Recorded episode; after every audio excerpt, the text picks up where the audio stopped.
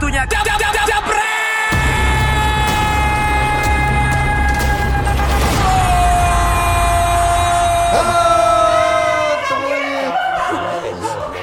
Itu makanya sengaja aku kagetin biar kaget. Aku juga kaget ada Intan di sini. Ah, bisa aja. Ketemu lagi. Orangnya kan cukup loyal. Ketemu lagi di Dewan Bandung Indonesia. Bersama saya Panjen juga. Intan sama Dina. Aduh aku deg-degan loh. Padahal kemarin udah siaran loh. Sekarang- Iya, udah siaran nggak maksudnya kan karena kamu kagetin Iya, tadi. iya, iya. Emang sengaja aku kagetin. Oh, Kamu gitu. kan lagi, baterainya lagi low ya. Iya. oh, benar. Ah, ada, Panji, ada yang seru apa sih menuju weekend ini nih? Nah, menuju weekend ini kita banyak banget nih berita-berita menarik karena kalau udah weekend artinya kita bakalan ketemu lagi sama liga. Liga-liga Eropa pastinya ada apa aja di pertandingannya nih kita lihat ya terutama pastinya dari ada Inggris tuh yang banyak yang seru pastinya Iya. ada perdananya Jose Mourinho pastinya Mourinho, sama, ya iya. kan? terus ada big match antara siapa Chelsea, lawan lawan- Chelsea. Ada juga big match Sheffield lawan MU eh nggak itu big match buat fans MU doang maksudnya. Nggak big match Hmm. Menang sih. lah. Eh, ini dia jadwalnya. Menang dong pastinya. Nah, ini dia menangis maksudnya ya. Arsenal Southampton, nah ini kayaknya live TVRI tuh bisa Hmm. ditonton kalau misalkan dia kalah bisa dibully kan. Terus ada Sheffield lawan MU, kalau live TVRI juga kalau kalah bisa dibully sama seluruh penduduk Indonesia ya. Terus juga ada West Ham lawan Tottenham pastinya tadi ya comeback apa bukan comeback ya comeback Jose Mourinho Hmm. Di Premier League lah ya. Ya. Terus juga ada apa tuh Watford Burnley nggak begitu Iya. penting. Terus ada Ada oh iya, Palace lawan Liverpool yang pasti. Apakah- Ini penting nih Liverpool penting nih. Apakah mampu mengganjal Liverpool yang memang belum terkalahkan? Tapi ini bukan di Anfield, ya mudah-mudahan sih terganjal. Biar lumayan seru dikejar-kejar lagi sama pesaing-pesaingnya. Ini ya. tapi paling seru banget nih Manchester City lawan Chelsea ya. Itu yang pastinya big match ya kan. Duel Karena biru. Ini sama-sama di peringkat empat besar, sama-sama memperebutkan siapa sih yang bakal menjadi pesaing Liverpool lah ibaratnya kan kalau yang menang ini. Terus ada La Liga. Tuh. Ini dia La Liga. Ada Leganes Barcelona, ada Betis yang sebenarnya Valencia, ada Granada lawan Atletico Madrid dan ada Real Madrid lawan Sociedad. Ini lumayan berat nih Sociedad nih setahu gue ya. Terus ada eh Eibar Alaves nggak penting, Villarreal, Villarreal, Sevilla lawan Valladolid. Oke. Ada apa lagi liganya? Nih ada udah ini doang ya? Belum, masih ada Belum, bisa ada masih Liga ada. Italia. Harusnya ada Italia Serie A kan? penting nih Serie karena penting ada juga. setahu gue ada Napoli lawan Milan. Nah, walaupun Milan sekarang ada peringkat nggak penting ya Nah peringkatnya ini juga 14 nih gitu Atalanta ya. ada lawan Juventus ya. Atlanta Juventus, Hmm. terus ada Torino Inter Milan juga lumayan sih sebenarnya Torino suka mengganjal tim-tim besar Hmm. walaupun Milan Inter Milan nggak besar-besar banget tapi kan lagi peringkat dua nih. Tapi kita lihat aja apakah ada kejutan yang terjadi dari liga-liga Eropa di akhir pekan ini. Hah, Udah ada kejutan nih di belakang kita. Gua mau nggak mau ke sini karena tadi gua kurang suka cara lu ngomong soal Arsenal sama Madrid. lu tahu gak? Yang big match itu sebenarnya bukan City lawan Chelsea. apa itu? Arsenal melawan Southampton. Itu dua-dua ini dua-dua tim udah lama gak menang. Lima game ini belum menang. Itu big match yang Sama-sama sama-sama nunggu dipecat matinya Pak. Nah, itu kan gua yang seru masa lu gak cerita soal Bale? Cerita. Kan kabarnya Bale Kemarin- akan, kemarin, iya. dulu kabarnya Bale kan akan dipertahankan Oh iya dan iya. iya. akan diturunkan di Ma- match itu. Masih menunggu ya. Kira-kira kepastiannya ya. dia akan turun apa paling enggak. begini lu jangan mencela tim gue saat gue lagi di sini dong. Ini kan gue sampai terpancing ke sini. Kira kamu juga banyak online yang berani nge-DM Bung Binder loh. Kalau mau nge-DM, kalau mau nge-DM gue soal debat, penjelasan boleh. Masa ada yang DM gue, bang bisa dekap orang nggak? Emang gue penjahat? Eh, gue ini bukan penjahat. Ada yang bisa ngangkat abang gue nggak? Ngapain gue ngangkat abang lo? Dia Dan gue delete itu. Ini bandit bukannya Gue bukan fighter. penjahat, gue pandit, woi. Dia butuh dipeluk bang, di dekat mesti dipeluk. Ya kan beda lah. Bisa aja. Kalau Mbak Desa kayak ngasih skrip ini, kenapa sama kalau yang Intan beda auranya? Loh, bukan kan sesuatu yang baru ya. Oh, iya, iya. Kan perlu kita explore. Apa Jadi- mungkin kita sama-sama karena punya passion yang sama ya? Enggak, harusnya ngomongnya jangan lihat gue, bini gue udah tegur. Waktu lu pegang pundak gue udah tegur, jadi Oh, gitu. kesannya ke kamera ya gak apa Oh ngomongin ke kamera. Berarti yang baru itu emang lebih ini ya bang ya? Ya paling enggak kan lebih Lebih silau. lebih menarik Lebih menarik. untuk kita kenal. Oh iya. Sebentar, iya. Bung, Bung Winner bukannya kita udah kenal lama? Udah kenal lama tapi kan jarang dekat begini. Oh, Ya ada kan jaraknya lebih lebar gitu. Oh ya biasanya jaraknya dihalangin ya. iya, iya, iya. Ya, semoga ada percikan-percikan Allah, percikan apa? Nah, nah, nah, cukup, cukup. Ada anak kan nonton di rumah bahaya. Oke lah, kita akan lanjut diskusinya dari sejumlah laga di Premier League setelah yang satu ini. Bahas dari jelang laga dari Premier League yang pastinya yang dari big match dulu ada City lawan Chelsea. Kalau kita lihat dari berapa tahun terakhir, emang em, Chelsea agak kesulitan ketika berhadapan sama City, terutama ketika bermain di kandang City. Terutama kemarin musim lalu kan dibantai 6-0 tuh. Menurut kalian, apakah akan ada perbedaan di musim ini setelah adanya Lampard? Gimana kekuatannya sekarang? Dia dulu. Kalau menurut gua kekuatan ini kan sekarang berubah ya, baik dari materi pemain maupun dari pelatih. Ya. Kalau kita katakan Chelsea musim ini bisa dikatakan ini adalah regenerasi. Dari pelatih yang muda, kemudian pemain-pemain juga banyak yang muda. Kalau City kan kita tahu mereka memang tidak mengalami musim sebaik dua musim terakhir. Di start ya, kita ngomong di start. Kita nggak tahu nanti di akhir seperti apa. Ini tim yang skuadnya sangat mendalam. Dan Guardiola bukan juga pelatih yang tidak berpengalaman dalam kesulitan. Ia sudah merasakan kesulitan itu juga ketika di Barcelona, ia sudah me- merasakan itu juga di Bayern ketika di Champions eh, League walaupun dia tidak berhasil. Sekarang dia menghadapi kesulitan itu di mana dia baru kalah melawan rival pesaing dia untuk menjadi juara. Tapi yang menarik di sini kan adalah bisa saya katakan junior melawan senior. Walaupun mereka ini tidak tidak pernah berada di satu tim ya, apakah itu sebagai pelatih ataupun sebagai pemain. Tapi senior pelatih seperti Guardiola yang sudah kenyang pengalaman melawan Lampard yang memang lagi naik daun tapi coba diperhatikan dia naik daunnya kan juga belum melawan tim-tim yang besar. Setiap Nah, ini yang akan menjadi ujian bagi dia main di kandang City yang lagi terluka. Yang baru juga kalah melawan uh, Liverpool. Ya kan ini yang akan menjadi ujian justru saya melihat ini ujian bagi kedua pelatih kalau dari pemain ya jelas kita harus lihat kualitasnya kan berbeda. Nah, tapi kalau kita lihat dari backnya sendiri kan coach kita lihat kemarin City udah mulai kesulitan ketika memasang Fernandinho maupun Stones sudah mulai kelihatan emang ada masalah di lini belakang dengan absennya Laporte. Nah, ini ngelihat ini apakah bisa ada celah yang dimanfaatkan sama Chelsea? Ya emang serangannya juga lagi bagus. Mainnya di City kan? Ya, Main City. main- ya kalau kalau lu tanya apakah ada celah ya pe- peluang pasti ada. Lu, lu main tim RT pun pasti dapat peluang juga. Jadi that- that's not the issue. Justru gue melihat apakah Frank Lampard dan pemain-pemain ini belajar dari dua match. Dua match itu match pertama lawan Man United dan match kedua lawan eh, Ajax. Di situ jelas-jelas kelihatan bahwa permainan Chelsea itu sangat naif. Mereka melakukan press tapi meninggalkan gap. Pressnya ya? 3 4 orang. Tim seperti Ajax, seperti City kalau mau di press itu minimal 4 5 orang. Kalau enggak terjadi gap yang bisa dimanfaatkan oleh pemain tengah dari dari uh, City. Dan ini menjadi bahaya karena kalau lu hanya tiga empat tiga ngepres artinya lu meninggalkan uh, tujuh pemain di belakang oke? Tujuh pemain melawan tujuh delapan pemain dengan passing yang sangat cepat itu gampang sekali dibobol. Nah ini yang harus harus diwaspadai. Kalau lu toh berani ngepres, jarak antara pemain depan, tengah dan belakang tidak boleh terlalu jauh. Karena ini akan dimanfaatkan oleh City dan City mau dipres berapapun biasanya bisa keluar, ngerti nggak? Nah, gue rasa ini adalah poin penting eh, dari dari apa namanya dari Chelsea dan juga se- seperti yang lo tadi katakan, salah satu yang bisa dimanfaatkan oleh Chelsea adalah lini belakang yang agak rentan. Cuman kalau mereka kebobolan 1-2 cetak 3 gol kan tetap menang. Nah, kalau kita ngeliat kemarin dari kekalahannya City sama Liverpool, kira-kira apa sih yang bisa diikuti atau bisa dipelajari untuk Lampard sendiri? Apakah memasang striker yang memang cepat-cepat semua atau memang memasang striker model Tammy Abraham? Ya, lu lu nggak bisa membandingkan karena gaya bermain Liverpool sangat berbeda dengan Liverpool, Chelsea. The, the- sorry, Ma- Man City, City, sangat City, berbeda oke. dengan Liverpool. Ya, ya, ya. Ja- jadi sama sekali tidak bisa di, di, di, Samakan di- lah. dibanding- disamakan. Maka dari itu Frank Lampard ini harus lebih smart lagi karena walaupun timnya bagus, pemain mudanya bagus, berprestasi, picknya bagus, permainan bagus, tapi still masih banyak celah. Nah, lawan tim yang sudah Iya, matang, betul. City itu ma- tim matang. Iya, matang. Tim kayak City, Ajax, Iya. Liverpool diobok-obok. Itu yang jadi yang yang harus ditutup oleh uh, Iya, dan tadi kan Justin sudah, sudah katakan tepat ya menurut analisa secara taktik. Artinya ada ruang yang terbuka. Ruang yang terbuka ini kan untuk menuju defense di mana di tengah.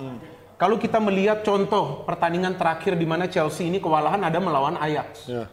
Dia dengan sangat confidence memainkan formasi yang sangat menyerang. Mungkin karena memang sudah menang away. Tapi permainan away ini kan berbeda ketika bermain di home. Tim yang kalah home akan berubah ketika bermain away. Ajax berubah. Ajax tidak langsung ngepres. Ajax nunggu dulu, lu Iya, nyerang dulu iya, deh ke iya. gua. baru nanti kita main. Tidak banyak passing dari para pemain X tapi bisa ngegolin. Empat. Iya, ke, ke gawang Chelsea. Iya. Bisa ngegolin empat, tidak banyak passing yang dilakukan. Tapi Chelsea dengan formasi menyerang, Kante juga tidak bermain Pak Ya. dalam game itu. Ya, ya. Itu kan menjadi Itu persoalan. Ya kan Kante salah satu pemain saya kira yang pengalaman, yang fighter. Yang sangat penting untuk di tengah jadi- yang sangat penting juga. Kalau lu bicara penyerang, banyak di Chelsea penyerang. Pulisic lah bisa dribble. Ya kan siapa lagi Kovacic lah, maupun adalah di tengah masih bisa maju ke depan. Nah, kalau kita ngeliat kan ini nggak cuman backnya sama-sama masih sedikit bermasalah ya Chelsea sama City, tapi lini tengahnya sendiri ketika Fernandinho ditarik ke belakang, dia praktis nggak punya gelandang petarung yang memang bisa menjaga lini belakangnya Ya. sendiri. Itu bedanya sama Chelsea. Gimana Ya, sih kan the- Chelsea ada Kante kan di The point is mereka si Pep tidak memiliki banyak pilihan. Jadi mau nggak mau, kenapa Fernandinho ditarik jadi center back? Karena pada saat menyerang dia bisa membantu serangan, bisa eh, membantu DM lah. Yang bi- biasanya mereka hanya bermain dengan sa- sa- satu DM. But that's not the point. Mereka memiliki banyak pilihan. Yang jadi masalah kan adalah blunder. Iya. Dan ini sulit untuk pelatih eh, mengajarkan. Lu lihat mereka Individual ya? Ya, mereka tahun lalu nggak lolos perempat final sama Spurs di Champions League murni karena blundernya Blunder, John blunder. Stones dua kali. Individual. Lu in- individual error. Lu sebagai pelatih mau ngomong apa lagi gitu loh. Kalau blunder ini dilakukan oleh pemain belakang lu. Nah, tim-tim kayak kayak Liverpool lah contoh, nyaris nggak pernah bikin Iya. blunder seperti itu. Itu hebatnya. Arsenal banget kayak sering blunder kayak kayak Iya. kayak begitu.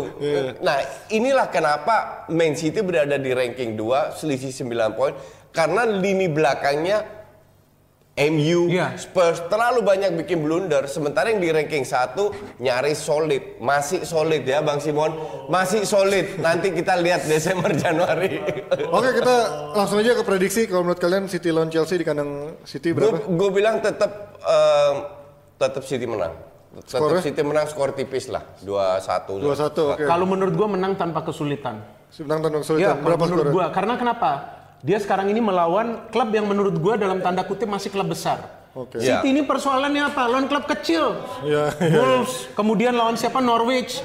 Dia sepertinya mainnya santai banget. Ketika lawan Liverpool dia kalah, bukan berarti City main jelek, Bos. Iya, iya. Iya, City betul. main bagus, Bagus. ya kan? Tapi kan ada kontroversi juga yang terjadi Iya, di sana. Ini dia melawan klub besar lagi, Chelsea. Dia akan hajar dari awal, dia Ta- akan ngegas. Tapi gue tidak melihat pada saat eh, ketinggalan lawan Liverpool, Pep merubah strategi. Enggak. enggak loh.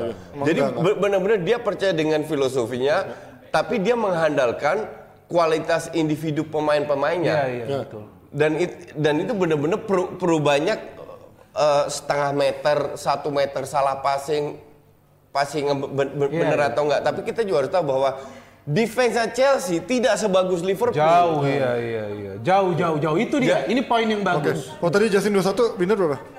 Kalau menurut saya dia menang tanpa kemasukan gol. Apakah itu 2-0. 1-0 atau 2-0? Oke. Oke, itu tadi dari City lawan Chelsea. Sekarang kita pindah ke laga perdananya Jose Mourinho. Terlepas dari ini bukan big match antara West Ham atau Tottenham Hotspur, tapi Ini menurut big kalian match lagi. Ini big loh, ini derby loh. I- i- ini derby. di, di samping derby mereka selisihnya kan tipis. Iya iya peringkat berapa berdua? Oh, iya. Tapi kita kita apa? Ini Enggak, lu kita- tahu gak yang menarik apa dari ini game? Dua-duanya mantan pelatih Madrid. Iya. Oh Itu iya lu iya catat. iya iya benar-benar. Lu jangan lupa sejarah. Dua-duanya mantan pelatih? Manchester. Yang menarik aja kan? bagi gua. Ini Bagi lo Ini pribadi. mantan pelatih Madrid yang ada masalah satu dengan manajemen, Ya, satu lagi sama pemainnya. pemain. Ya, ya, ya, ya. Ya kan jadi ini yang seru gue mau lihat eh kalian masalah di Madrid kenapa? Makanya si Pellegrini Walaupun dendam banget mereka sama Mourinho. juara Madrid. Oke Iya, lah iya. jangan Madrid terus nanti orang bilang gua ngeyel. Oke, Ya kan? tapi kita Udah. kalau ngelihat rivalitas ini kan memang sudah ada. Tapi kita terlepas dari rivalitasnya dulu, ngebahas dari Mourinho, apa sih yang bakal dia bedakan dari cara main yang sudah ada sama Pochettino dengan sekarang dibawa dia? Apakah Gini. langsung total parkir Kalau bus? menurut gue ya, salah satu kekuatan dari Mourinho yang membuat dia berprestasi atau meraih banyak trofi adalah faktor non teknis, bukan teknis. Oke. Faktor non teknis dan dia pun mengatakan di awal saya akan merubah ruang ganti Spurs Oke. lebih bermain termotivasi. Nah, itu Iya. yang dia lakukan bahwa pemain benar-benar mau habis-habisan Iya, iya. di lapangan. Nah, kalau kita itu non teknis dan itu sangat penting karena sangat berbeda lu lihat pemain di lapangan penuh semangat atau tidak. Kalau lu semangat ditambah kualitas, lu bisa. Walaupun strategi dari Mourinho let's say so-so. Cuman yang jadi masalah yang dihadapin adalah tim yang bermain pragmatis yang sering kali juga mem- mempersulit tim-tim besar. Tim-tim counter Oke, juga, kan? Asumsi Spurs tim besar lah. Kalau dia bermain rapih, oke, rapih ball possession dengan dengan eh, Erikson dengan dua DM. sorry, Asumsi sorry, Spurs belum. Playmaker. Lu kok kesel banget sih sama Spurs sampai ngomong asumsi? Enggak, enggak, asumsi. asumsi dia Karena- besar. Ini yang lucu. Lu tau, gue sampai gak bisa. ini- Gue sampai harus ketawa. Dia dendamnya Lu juga ketawa kan? Lu juga Enggak, jangan ketawa. Karena dia dendamnya double, Lu Pak. kesel banget. Pertama karena dia nggak suka sama Spurs karena Arsenal. Kedua karena Jose Mourinho dia nggak Itu suka dia, banget. dia Itu udah double. asumsi. Ini yang gue gak bisa tahan. Udah asumsi tim besar. Kemarin dibilang ayam geprek lah, ayam apa itu. Padahal Terus- lu masuk final Liga Champions. Iya, dong. Arsenal kita ke mana, Pak? Kalah Barca terakhir Eh, dulu. terus Iya. terus kalau saya kemungkinan besar dia akan bermain dengan dengan Erikson sebagai playmaker dengan dua dua DM ya standar lah berusaha tapi kita juga tahu sayapnya West Ham itu kencang banget Kencang, kencang, dan gila oke jadi kalau sekali kena counter gue tidak yakin pemain tuirnya belakang dari Spurs itu bisa meng- mengatasi jadi untuk gue kalau lu tanya eh, apakah Mourinho akan menguasai atau meraih 3 poin untuk gue this is 50-50 match. 50-50. Binder setuju dengan 50-50? Kalau menurut gue ini berat banget bagi Mourinho. Oke. Kenapa? Karena Mourinho ini kan beberapa kali juga sering mencela pelatih-pelatih yang sebelumnya melatih, sebelum dia melatih. Iya, iya. Seperti Pellegrini ini kan setelah melatih Madrid baru masuk Mourinho. Dan dia mengatakan ketika itu bahwa dia ini adalah pemenang. Di Madrid tidak seperti Pellegrini yang kesulitan untuk menyatukan pemain-pemain bintang. Ia membuktikan itu walaupun akhirnya dia termakan ngomongannya sendiri, dia friksi dengan beberapa pemain yang sudah Senior menjadi idol lah seperti Ramos uh, bersama juga ya. dengan Casillas dan Pellegrini ini yang sangat saya terkejut dia ini diberikan kesempatan di klub-klub yang memiliki uang. Manchester City. Oke dia berhasil membawa juara. Madrid tapi justru kalau lu mau lihat kehebatan dia sebagai pelatih itu bukan di klub besar. Villarreal Malaha. Kemudian sekarang dia berada di West Ham gue pikir lumayan lah. Dia bisa membuat West Ham ini eksis padahal West Ham ini kan banyak pemain buangan Iya, salah satunya adalah pemain favorit gue yang tidak berkembang Jack Wilshere Iya. itu salah satu pemain Iya, iya, favorit gue sempat mengikuti dia di Twitter Itu Enggak, salah satu pemain yang gue benci. Iya, oke, nggak apa-apa. Gue sama lu kan sering memang berlawanan. Tapi maksud gue, Benci kenapa? Sorry, benci kenapa dulu? Dulu dong. Oh, iya. Gue gue senengnya kenapa? Dia ada boneka yang selalu dia tunjukkan dulu di Twitter. Gue lupa tuh apa bonekanya. ada kan? Boneka apa Gue namanya? gak follow dia.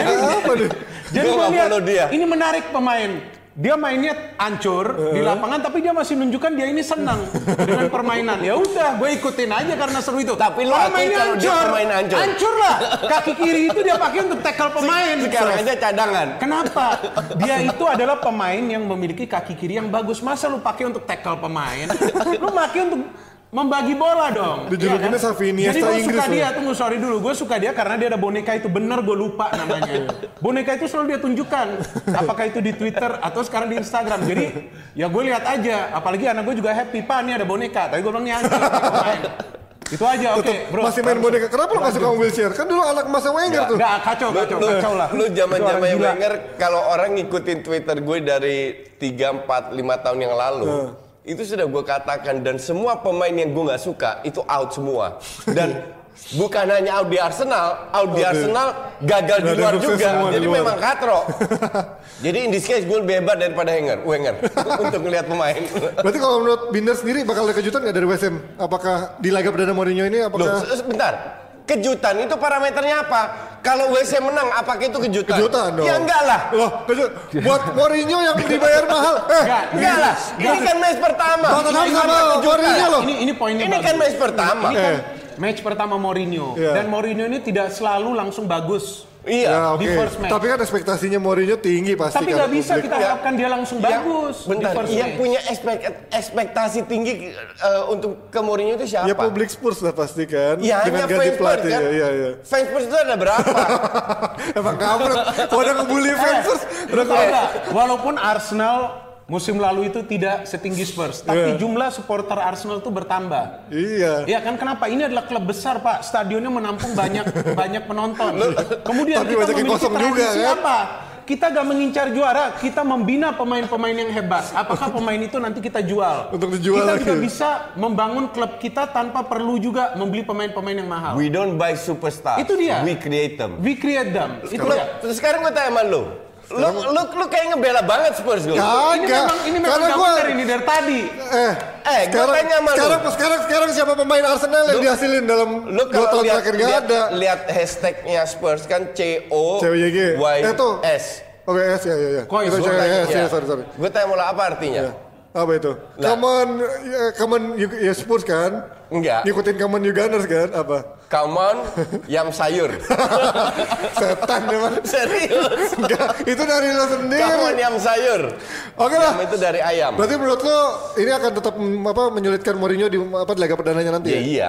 Kalau menurut gua berat bagi Kemenangan Mourinho. masih Karena susah ya? kenapa Pellegrini ini udah lama megang West Ham. Main di kandang mana sih West West Ham? Ham, West Ah, Ham. selesai.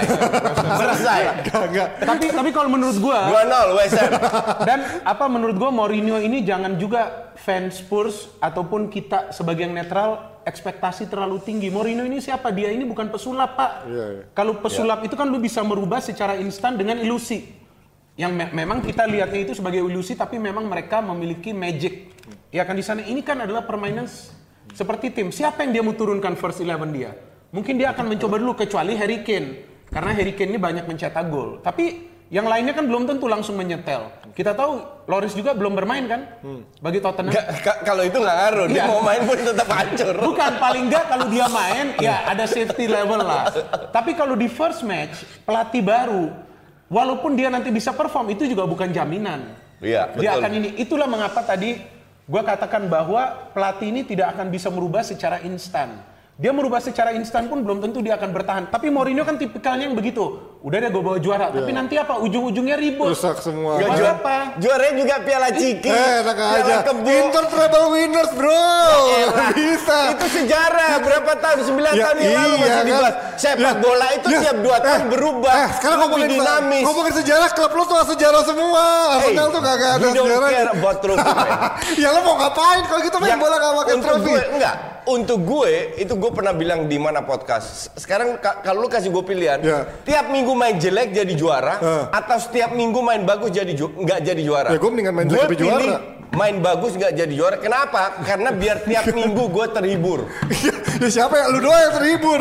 Fansnya gak ada yang ya gue terhibur. nonton waktu-waktu gue kok Ya iya, itu kan lu gue sendiri pribadi lah. Kalau kan- care about eh, trophy. fans nonton buat jadi timnya juara, bukan cuma main cantik sih. Lu saya main cantik. Lu gak bisa membantah dia juga karena ini kan selera. Iya, iya, iya. Dia ingin terhibur dengan melihat permainan Ya iyalah. indah. Iya. Iya. Tentu kalau gua, gua juga ingin melihat permainan ini indah. Karena Menghibur. gua ingin terhibur because Iya. I watch it on the weekend. Iya. Kalau gua lihat nih Iya, permainannya betul. jelek, ngapain juga gua nonton? Gua mendingan switch channel. kayak Leicester waktu juara Mainnya bagus. mainnya enggak hancur-hancuran Enggak, justru Enggak, juga, enggak juga. Loh, lebih counter counter Ya, ya bertahan, counter itu kan art of counter, coach. Ah, aduh. Itu seni dari Ka- counter. Bukan, bukan dia main Iya. memang tidak selalu bagus, tapi ada juga dia main bagus. Iya. Cuman kalau kita tadi Art of mengatakan counter itu emang karena lu inter aja mah.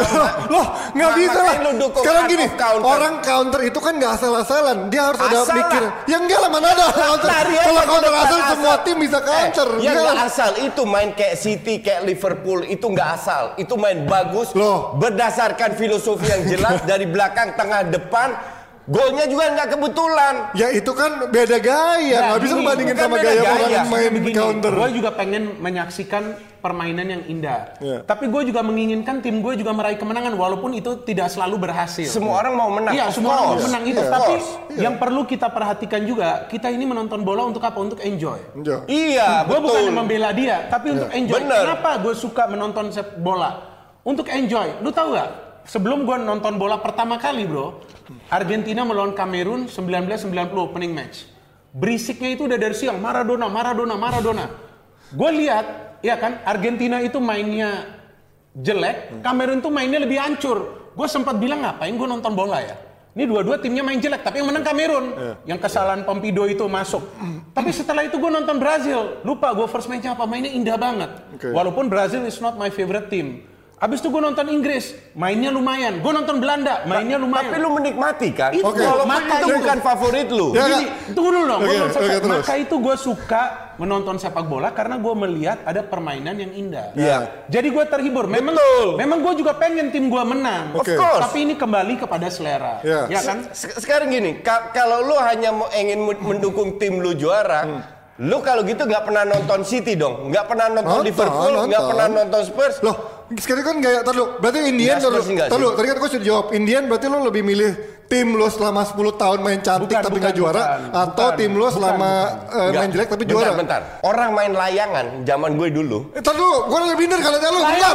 Woi, gue nggak mau main layangan. Ini gua jelasin. Bodoh, eh, bodoh amat yang layangan. Eh, jelasin. dulu. Layangan tuh Orang main layangan aja mau menang. Layangan yang nonton main sepak bola. Layangan yang nonton juga seluruh dunia kok. Cuma Iya. doang yang nonton Eh, layangan.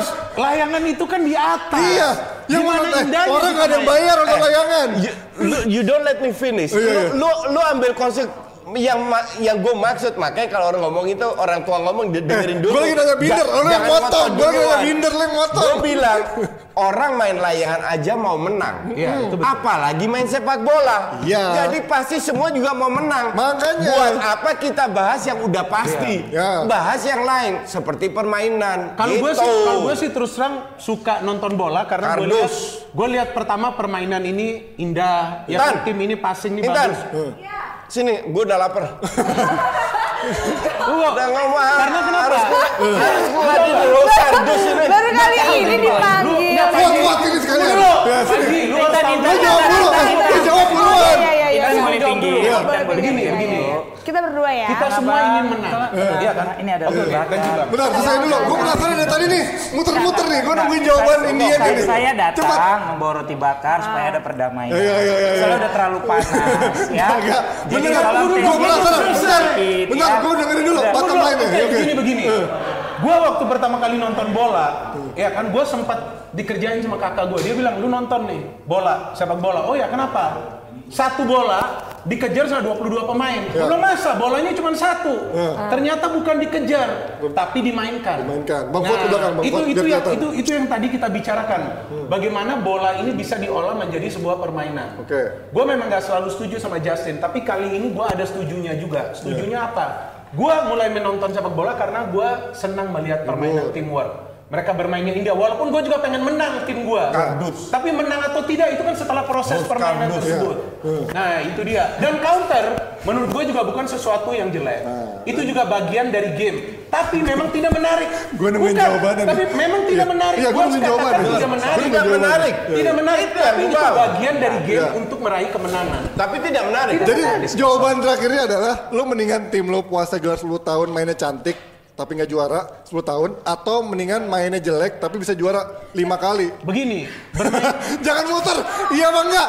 Ini Loh, kan kok udah bilang dulu. enggak? Gue enggak. Loh, Gue nggak penting juara. begini, nggak ada tim yang bermain 10 tahun cantik gak juara. Iya, betul. Lah, lah, dia, kardus loh, gini dia nih. bilang kan Arsenal mainnya cantik. Coba, enggak, lu coba kasih gue example. Lo, lo bilang apa tadi? Kardus. Ya oke, silakan. Bos kardus nih. Loh, kan gini. Lo dibuka dong, masukin ke dia. Eh, enggak lah apaan sih nih? Enggak, Loh, Bener. tim mana? Bener lu bilang. sekarang gini, ngomong. filosofi lo kan Arsenal mainnya Ah, cantik. Begini, begini, begini. Gue sudah janji. Enggak, iya, Ya, iya. tunggu dulu. Gue sudah janji gue nggak mau teriak-teriak, gue nggak mau banting meja. Ah. Lu jangan potong. Iya, iya. Lu nggak usah mijit gue, mijit Jadi, dia. jadi maksud gue begini, gue nggak mau terpancing, ya kan? Lu tadi katakan 10 tahun bermain indah, Iya. cantik, terus gak juara. Itu apa maksud lu? Mana ada tim yang bermain? Coba, lu kan Sekarang punya gini. pengalaman. Ada gak sih tim yang bermain Muter-muter cantik? ini. Nggak ada. Tapi terus selama 10 tahun nih, Nggak ada. terus gak juara. Ada. Sekarang gua tanya, Ada 8 tahun gua potong. Nggak ada. Belanda 8 tahun itu kan 74 Filosofi 8 ber- tahun. Belanda main bagus. Main Loh, cantik. Ya sekarang kan orang selalu main cantik, ya, selalu. ya, 74 Bukan, 78 Dia gini. kan ngomong kan 10 Gua ngomongin tahun, filosofi lo kan permainan permainan cantik Enggak, lu filosofi tadi lo. kan ngomong timing. Iya, oke. Ini perumpamaan, tapi Ya. karena lu kardus, lu nggak nangkep. Lah, That's bukan. the whole point. Bukan, maksud gua Nggak. apa? Ma- itu poinnya apa? Ya, sekarang 10 berarti kalau- bermain cantik, Binder ngejelasin tuh. Iya, iya. 10 tahun bermain cantik, Ya. terus gak menjadi juara. Nggak mungkin. Gak mungkin, lu Nggak. tahu.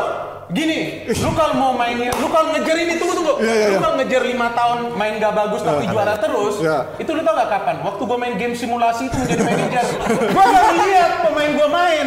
Saking gua candunya, gua gak tidur. Iya. Gua cuma tidur 2 jam. Juara terus. Tapi gua mau Juara. Tapi gue mau ribut sama orang nggak bisa, karena di label gamenya udah ditulis hati-hati lu bisa kecanduan. Kecanduannya apa? Kecanduan menang. Prosesnya. Oh, main juga tuh. main FM. Bukan, bukan. Championship manager. Pak. Saya Oh, iya, masih iya, jadul, jadul. Jadi sampai komputer gua rusak yang dirakit, gua panggil tukangnya. Eh, lu datang jam 10 kenapa? Gua bilang apa? Oh, lu besok mau ada ini Iya. kerjaan, kuliah. Gua bilang enggak, mau main gue CM. Hah? Karena kenapa? Gua main CM yang automatic result. Jadi gak perlu lihat ininya main. Iya, iya. Gua kebanyakan menang dengan automatic Lu result. rekor berapa jam main itu? Oh, gua udah lupa, Bang. Gua main pernah dari Gini. jam 8 sampai Oh, jam 5 enggak. subuh. Gua main pernah dari sore sampai pagi. Kalau nggak salah jam 2. Oke, next Gimana? Tapi nanti jawaban lu yes or no? Tadi milih. Ya itu kalau lu suruh Nggak milih. bakal ada situasi Nggak bakal itu. ada tuh. Jawabannya katanya nggak bakal ada. Lu Nggak bisa jawab dia. sebuah pertanyaan yang Dia- Enggak. yang nggak pernah terjadi. Gue hanya ingin menekankan bahwa bermain bagus itu penting untuk sebuah image klub. Tapi MU kan klub kecil. Eh, sorry. Nggak bisa gitu, Jadi Pak. Arsenal kok dibilang klub gitu. besar. Klub-klub besar itu pen- penting, Ya enggak, dan menang. Enggak lah. MU lebih besar dari Arsenal, maaf. Itu lebih besar padahal Maaf itu, itu ya, fact, itu- itu, itu fact sih jelas. Itu gua minta Arsenal kan lo bilang filosofinya menyerang, tapi udah puasa gelar berapa tahun sekarang gue tanya. Tapi dua tahun beruntun tetap di bawah Arsenal. Iya apa ya, ya secara Bro, peringkat apa? begini. Mainnya bagus emang? Arsenal Enggak juga kan? Justru nggak bagus saja masih di atas MU. Iya tapi kan, kalau bagus? ya apa? main bagus aja nggak juara. Eh, sekarang targetnya orang main, main bagus apa sih nggak juara ya? Nah, aneh Eh, banget. lu udah dijawab. Enggak, enggak, jangan enggak, enggak, lagi. enggak, aneh, udah, udah, udah, Ini gua akhirnya ribut kan. udah, enggak, mau coba dulu. Jangan ada yang DM gua lagi untuk dekap orang. Ini gua di ini gua dipancing sama nih orang. Gua udah diam dari tadi. Lu lihat dong, Bang Fuad. Nah, ya, udah. ini masih menangin gua tuh. Lu pancing gua. Nanti ada yang Minum dulu. nanti ada yang komentar. Ji, Ji, udah, udah, udah, udah ya. pancing gua lagi. Udah, yang penting Ji main cantik itu nggak penting, yang penting juara. Gue sepakat sama lu. Gak apa-apa. Dah, udah bang minum dulu. Ya, gue pamit ya. Kalau aku sepakat nih, harus main cantik tapi harus juga juara ya coach ya. Kalau Itu udah main cantik itu pasti bakalan juara. Itu mah ideal. Oke, udah komen. Oke, mau baca nih komentar-komentar yang bakalan jadi komentar paling terbaik pilihan Coach Justin dan juga Bung Bindar nih. Zikri Kaifa, Lampard bersama Chelsea musim ini lebih baik jangan mengincar trofi dulu. Lebih baik Lampard ca- ah, apa nih, cari pengalaman di musim ini untuk dijadikan pelajaran di musim berikutnya bersama pemain-pemain muda. Terus ada juga nih dari Lutfi Naufal, mungkin alasan Chelsea berani main naif karena ngerasa nothing, nothing tulus buat pemain muda biar punya percaya diri dikasih kebebasan untuk bermain secara lepas.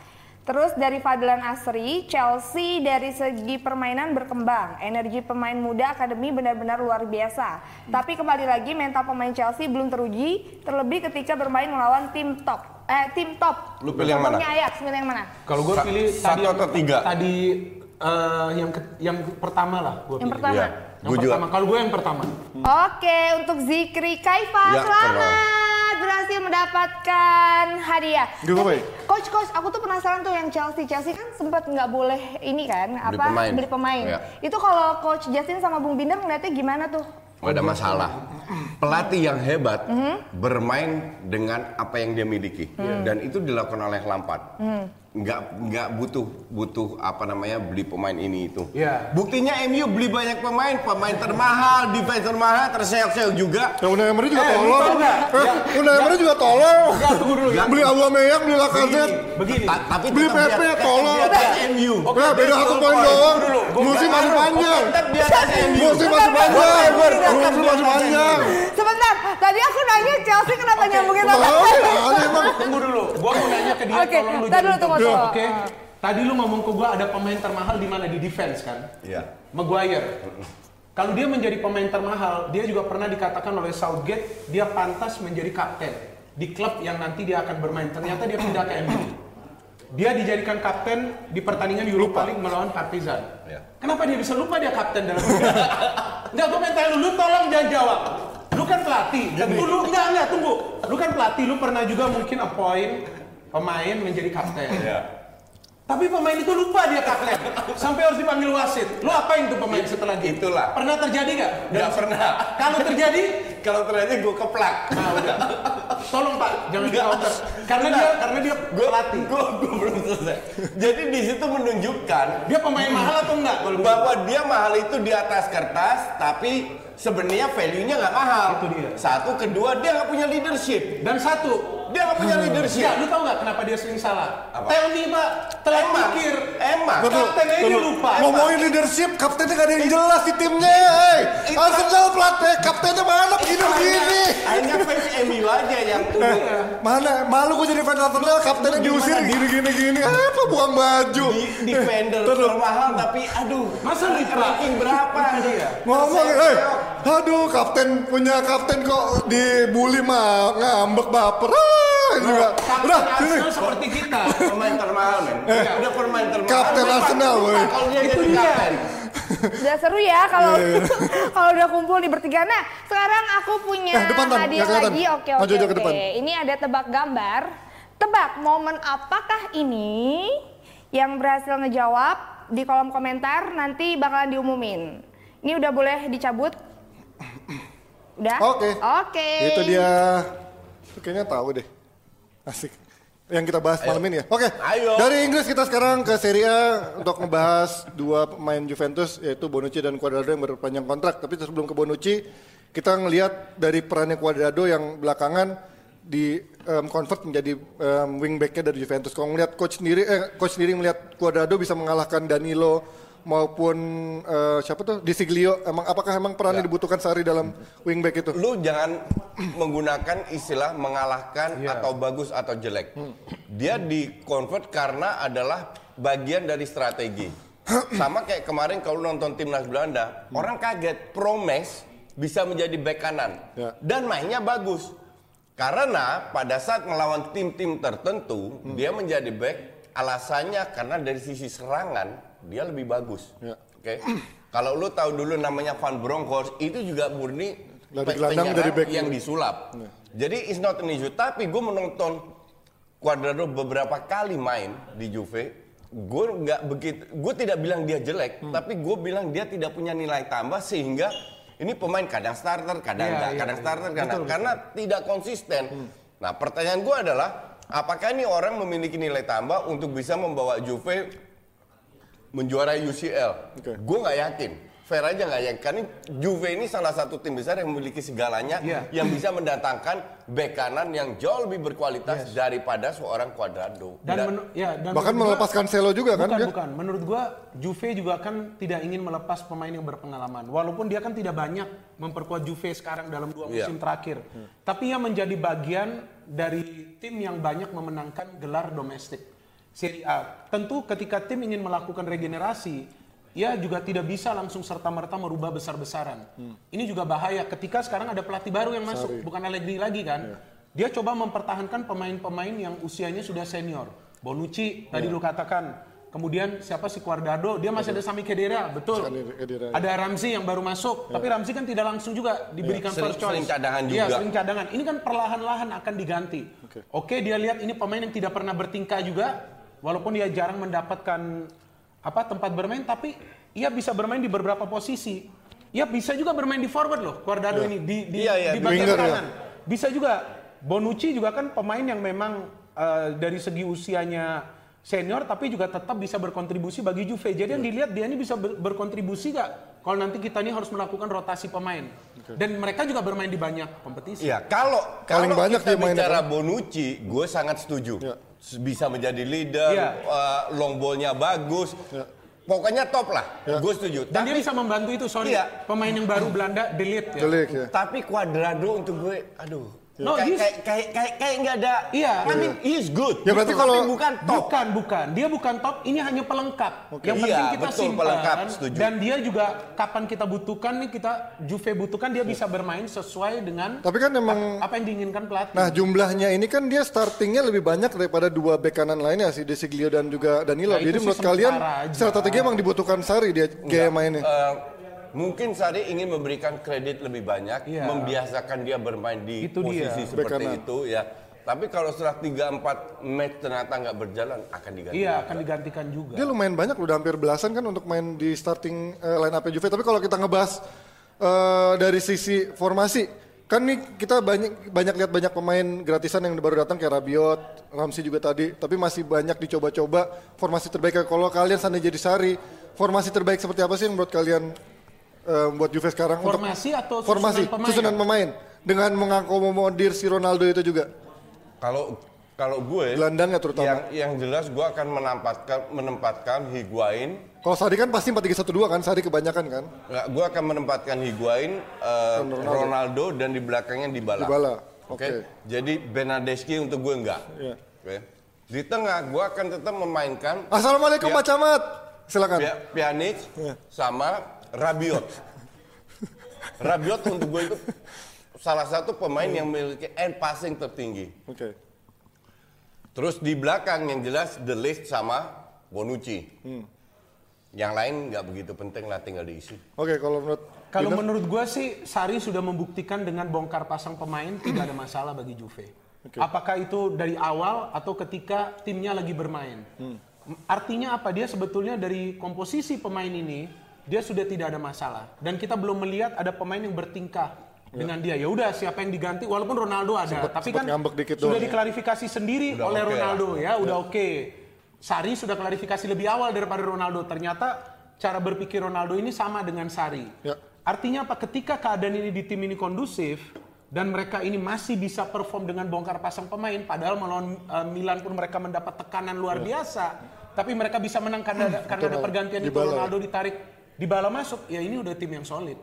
Tinggal bagaimana pelatih ini memanfaatkan pemain yang bugar untuk main sebagai starter. Saya mau ngomong. Ya ini saya bentar lagi mau board meeting untuk untuk ngomongin tentang berapa orang yang kita berangkatin ke Inggris. Tahun ya. Bukan buat host dan kru ya. Ini buat subscriber ya. Jadi saya izin meeting dulu. Follower. buat follower ya. Ya oke. Follower sih Pandi, Pandol, Pandol. kan YouTube. Kok follower? Pandol, Pandol. Subscriber. Subscriber. Dia kan anak Instagram banget. Nah itu oke. Dari Juventus kita pindah ke tim eh, yang nggak begitu penting sebenarnya AS Roma. Tapi ada mantan pemain MU nih, eh, bukan mantan, pemain pinjaman MU. Chris Smalling. Dia seolah dapat apa nafas baru bahkan Juventus ngincer juga untuk jadi pelapis karena Cielini juga lagi cedera kan. Menurut kalian apakah emang Smalling yang mainnya Bentar, bagus? Ini siapa? Apa? Justin yang Ka- dia Kawikani. Kawikani tolong diblok. Kenapa deh? Kawikani tolong diblok. Kenapa deh? Justin, Justin tolong jangan diajak. Kenapa sih membuat eh, Smalling ini jadi sekarang seolah jadi inceran tim-tim besar termasuk Juventus yang membuat jadi dia Ini, pelapis tadi lu ngomong apa dipinjam? dipinjam sama Roma. Lu jangan ketawa dulu. Gua karena mau ketawa juga. Gue ketawa dia bilang pemain pemain yang diuber oleh tim-tim Itu besar. maksud gua. Gua kan tahan ketawa, lu jangan ketawa biar gua jelasin. Ini kampret nih bikin bahasan nih kenapa Smalling bahas-bahas. bukan, maka itu kan gua mau banding, gua mau tadi ngomong setelah dia mengatakan di, diincar tim-tim besar, tapi kan pemain ini dipinjam Ya pinjam. untuk sementara di Roma. Artinya apa? Roma ini tidak yakin juga dengan Smalling. Gue betul. Pertanyakan, emang klub mana yang mau dia? Juventus ngincer dia loh. Lu percaya media mana buat yang jadi pelapis. Bukan Juve dan Inter memang rebutan. Emang buat pelapis. Ah, nggak percaya tapi, gue. tapi begini, ini juga bisa menjadi sebuah isu karena melihat sekarang ini dia ini menonjol penampilannya Iya, secara di Roma. bagus dia. Tapi begini loh, pemain yang dipinjam kadangkala ketika dia di loan, sabar dulu dong, gue juga tahan ketawa nih. Dilon bagus. Tunggu, Di loan lagi bagus. Iya. Mungkin ketika nanti dipermanenkan, belum tentu bagus. Kayak oleh. Nah, kan gua tahu. Gua kasih Betul gua otak gua udah tahu arahnya. Ketawa dulu, gue mau lari ke sana. Gua tahu, otak tuh arahnya ke situ. Awal-awal bagus, pas permanen apa, bos? Ini joke of the day. Iya, iya. Smalling diuber tim-tim besar. Eh, tapi gini, lu tau gak kenapa di Uber tim-tim besar? Kenapa? Karena namanya kan diganti, Smaldini. Iya iya iya. Di Itali karena mainnya bagus sih Lu tau gak Smaldini. Smaldini apa? Apa itu? Kecil, Smaldini. Punyanya Dini kecil. Jangan kecil lah, size meter, Pak. Kekuatan lu harus kuat, kekuatan badan. Nah, yang penting gua. dia cara meliuk-liuknya lah Pak, nggak penting ukurannya. Oke, itu dari dari Smalling tadi kita pindah ke timnya yang pasti MU.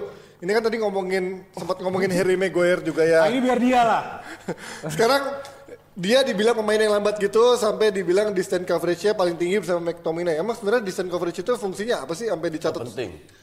Berarti dia paling kerja keras dong. Lu kalau melihat MU itu distance coverage-nya paling rendah dari semua tim dua Nggak, tahun terakhir. dis- bentar. distance coverage ini kan pemain. Iya, iya, iya. Kita harus lihat tim dong. Iya. Tim Dia- ini average, gimana? average, As, average. as a team, MU itu dua tahun di bawah Mourinho itu Iya, iya, paling rendah. Secara Oke? tim? Ya, artinya ini pemain malas. Iya, iya. Dikit larinya. Kenapa? Waktu karena di bawah banyak, Mourinho? iya, karena lebih banyak bertahan. Nah, sekarang kan berubah. Maguire segini, tapi yang dilihat ini kan ini salah satu data yang lu harus berhati-hati. Ya. Karena bukan menunjukkan di situ memang istilahnya mungkin dia bekerja keras, tapi kan dia la- lambat, Iya. speednya nggak ada, ngerti nggak? Iya. Jadi dengan satu satu dua dua kilometer kelihatan bahwa dia dia tidak hanya bertahan tapi juga membantu serangan, oke. maju ke depan. Dia tinggi Ta- ya? Iya, cuman itu kan tuju- bu- bukan tujuannya ser- eh, di Decent average itu. defender. Iya, Tujuan defender kan adalah bertahan Right, exactly. dan meng- Exactly. mencegah counter attack. Exactly. Nah, di sinilah dia lambat. Jadi data kayak begini itu harus hati-hati. Iya, harus apalagi ya, saya ingin menambahkan yang Justin katakan karena dia kan juga pelatih, artinya dia lebih paham ya soal teknis. Walaupun tadi kita melihat Maguire ini distance coverage sebagai defender, tapi sebetulnya dia tidak perlu juga. Saya mengatakan Maguire ya. Dia tidak perlu juga melakukan coverage distance karena yang perlu dilakukan coverage distance itu oleh pemain tengah. Betul. Dia menjadi jenderal di tengah, dia harus menjelajah. Iya. Betul nggak? Attack dan defense. Attack dan defense itu dia harus bagus. Nah Ya, ini yang saya betul. melihat ada di diri seperti Kante. Dia menjelajah nih daerah, walaupun dia tidak selalu terlibat dalam permainan, tapi dia bisa hadir di sana di wilayah magic circle yang kita katakan. Maguire begitu, gue lebih impress dengan James tadi distance James, coverage karena dia memang bergerak nih aktif bukan pasif. Maguire mungkin distance coverage tapi ke mana? Mungkin yang kapan-kapan dia terlibat maju ke Iya, depan. Tapi efektivitas dia di belakang kan belum terlalu menonjol. Tidak kelihatan dari data Tugas itu. utamanya malah jelek Iya, ya tidak dibandingkan. kelihatan dari data itu. Makanya hati-hati dengan data. Harus hati-hati. Oke, ayo Intan, saatnya kita bacakan kuis. Aduh seru banget ya ngobrolin. Terakhir ngobrolin MU tadi ya. Iya dong. MU. Eh, ini MU kalau aku makan. megang pundaknya Coach Justin nggak ada yang marah kan? Nggak ada, lagi harmonis rumah tangganya, biarin aja. Enggak, gua, enggak, gua ada keberatan nih. Apa itu? Kenapa gak ada yang di sebelah gue? Ya, kan kata lu tanyain di rumah. Enggak, tadi Jangan. Tapi itu gua gak bohong. Iya makanya, tadi jangan kamu- berkeruh, ntar kayak kang jalu. Kenapa? Yang ini kok lu panggil ke sini, yang ono kok enggak? Nah, yang gue bilang kenapa kan selera. Iya bener, Bukan Tadi- selera, mood juga kan. Iya. Kemarin mood lagi enak, lagi enak juga. Makanya itu tadi gue muncul di awal. Binder punya Bikin selera. juga nanti di rumah ya. tadi sebenarnya suruh mijetin Bung Binder tapi aku Wah, ah, takut dong. nanti diituin itu nanti jangan, kena. Karena anak gue nonton. Oh iya. Anak ini juga sebelum tidur. Jadi kalau udah pegang memegang jangan. Ntar anaknya bentar pijit juga sama Intan taunya kan, bahaya. Oke lah, bacain kuis dulu. Halo anaknya Bung Binder salam kenal. Ini kakak ya. Tenang tenang ini kakak bukan tante. nah ini dia tadi aku mau kasih tahu jawaban yang benar. Eh siapa pemenang tadi tebak momen? Ya. Ada Solehah Wijayanto. Jawabannya Cuadrado dan Bonucci perpanjang kontrak. Yeay. selamat. Dapatkan giveaway. Jangan lupa DM juga ke Jebret Medianya biar nanti kita kirimkan pasti ongkir kalau di luar Jabodetabek tanggung sendiri ya. Hah? Iya benar bro. Nah terus aku juga mau ngingetin nih, mau ngasih Lu tahu. kalau- Hmm, sorry, lu kalau mau ke Inggris bulan Maret ya, Iya. lu harus ikutin kita. Subscribe. Subscribe juga. Ajak teman-teman lu suruh juga, subscribe. Dan juga subscribe di Just Talk. Ujung-ujungnya jualan. Promo masuk. Masuk. Ntar gue cek lu, ntar gue bilang, Coach ini berangkat nggak? Lu nggak subscribe di Talk nggak berangkat. Kurang ajar. Kita tadi Pokoknya kalau nggak ada ACC dari Bung Binder dan Coach Justin nggak akan berangkat. berangkat. Makanya harus subscribe juga. Betul. Nah aku juga mau ngasih tahu ya buat pandit online nanti hari Senin. Nah, ini penting. Pengumumannya bakalan dimunculin di Instagram. Pantau terus Instagramnya @jebretmedia. Kita masih milih ya, pastinya karena banyak banget yang berusaha meyakinkan mereka pantas duduk di sini untuk duduk bersama Binder ataupun juga Justin untuk beradu argumen diskusi tentang sepak bola. Kita lihat kemarin udah ada kemajuan dari yang fans Chelsea, apakah minggu depan atau Senin besok ada yang lebih berani atau lebih Se- vokal daripada kemarin. Sebenarnya maju atau enggak tergantung kita berdua. kalau kita mau sikat apa aja selesai. Enggak, sikat kita harus Mana? untuk menguatkan mental. Iya kan kita Ta- untuk ta- menguatkan tapi bisa mental. kita injek-injek juga. Iya, bisa kalau juga. kita mau. Kalau Tuh, kita mau. coach, ini ada pertanyaan dari Fandi Wardana. Seandainya dari Fandi Wardana, seandainya ada cuman ada dua pelatih tersisa di dunia, Philip Valverde atau Mourinho. Pilih gue sendiri nggak. Udah simpel. Bisa dua pelatih di dunia. Udah pada mati kiamat tinggal dua. Suruh nikah berdua. Gue yang latih. Enggak, ini, Nggak- ini, nggak ini, usah dua ini kayaknya dia ikutin si Panji kayak tadi. Emang. 10 Ya tahun bermain bagus. Itu nggak juara. Gak juara. Mana ada begitu? Mana ada? Impossible Dia ya. kan namanya kardus begini. karena Arsenal nggak Host juara kardus. 10 tahun, enggak lah. Ya, host kardus Enggak, kayak enggak, begini enggak. nih. Filosofi Arsenal kan dibilangnya katanya menyerang, tapi Arsenal juara. main bagus. Loh, eh, tapi kan Sekarang lagi nggak main Iya, filosofi lo kan mainnya main bagus kan. Mau mainnya nyerang. Benar. karena lu kardus. Makanya lu sering-sering nonton Just Talk biar lu Enggak, enggak, enggak. Karena gue nggak percaya. Gue bukan penganut aliran lo. Oke, oke. Gue nggak penting main Oke, cantik. gue tanya satu pertanyaan. Waktu MU sering menjadi juara di bawah Sir Alex, Fergie. mainnya bagus atau Nggak selalu main bagus. Loh, gua nanya main bagus atau jangan? Main- Lu jangan main bagus. Main bagus. Main kan? bagus. Akhirnya dia bisa juara. Juara. Nah, itu poin. Nah, gue menghargai dua-duanya. Bukan, bukan menghargai. Tadi lu ngomong 10 tahun main bagus gak juara juga. Wah, Hei, sekarang aku jatuh nih buat lu. filosofinya berarti kan kalau Arsenal mainnya nyerang kan? Lu itu nggak ngerti yang gua Nggak. maksud. Ya lu juga nggak ngerti yang gue maksud. Poin lu. Enggak, enggak. Bukan, Enggak. karena lu Kardus. Bukan Enggak. poin lu pertanyaan 10 tahun bermain bagus, Iya. tapi gak juara itu kan gak mungkin MU bermain bagus menjadi Ya, juara. ya bisa aja. Bisa aja main bagus kayak juara. Durasi, durasi, durasi. Udah, ketemu di DPI hari Senin minggu depan. See you on DPI. Baik pemirsa, inilah dia waktunya. Jam, jam, jam,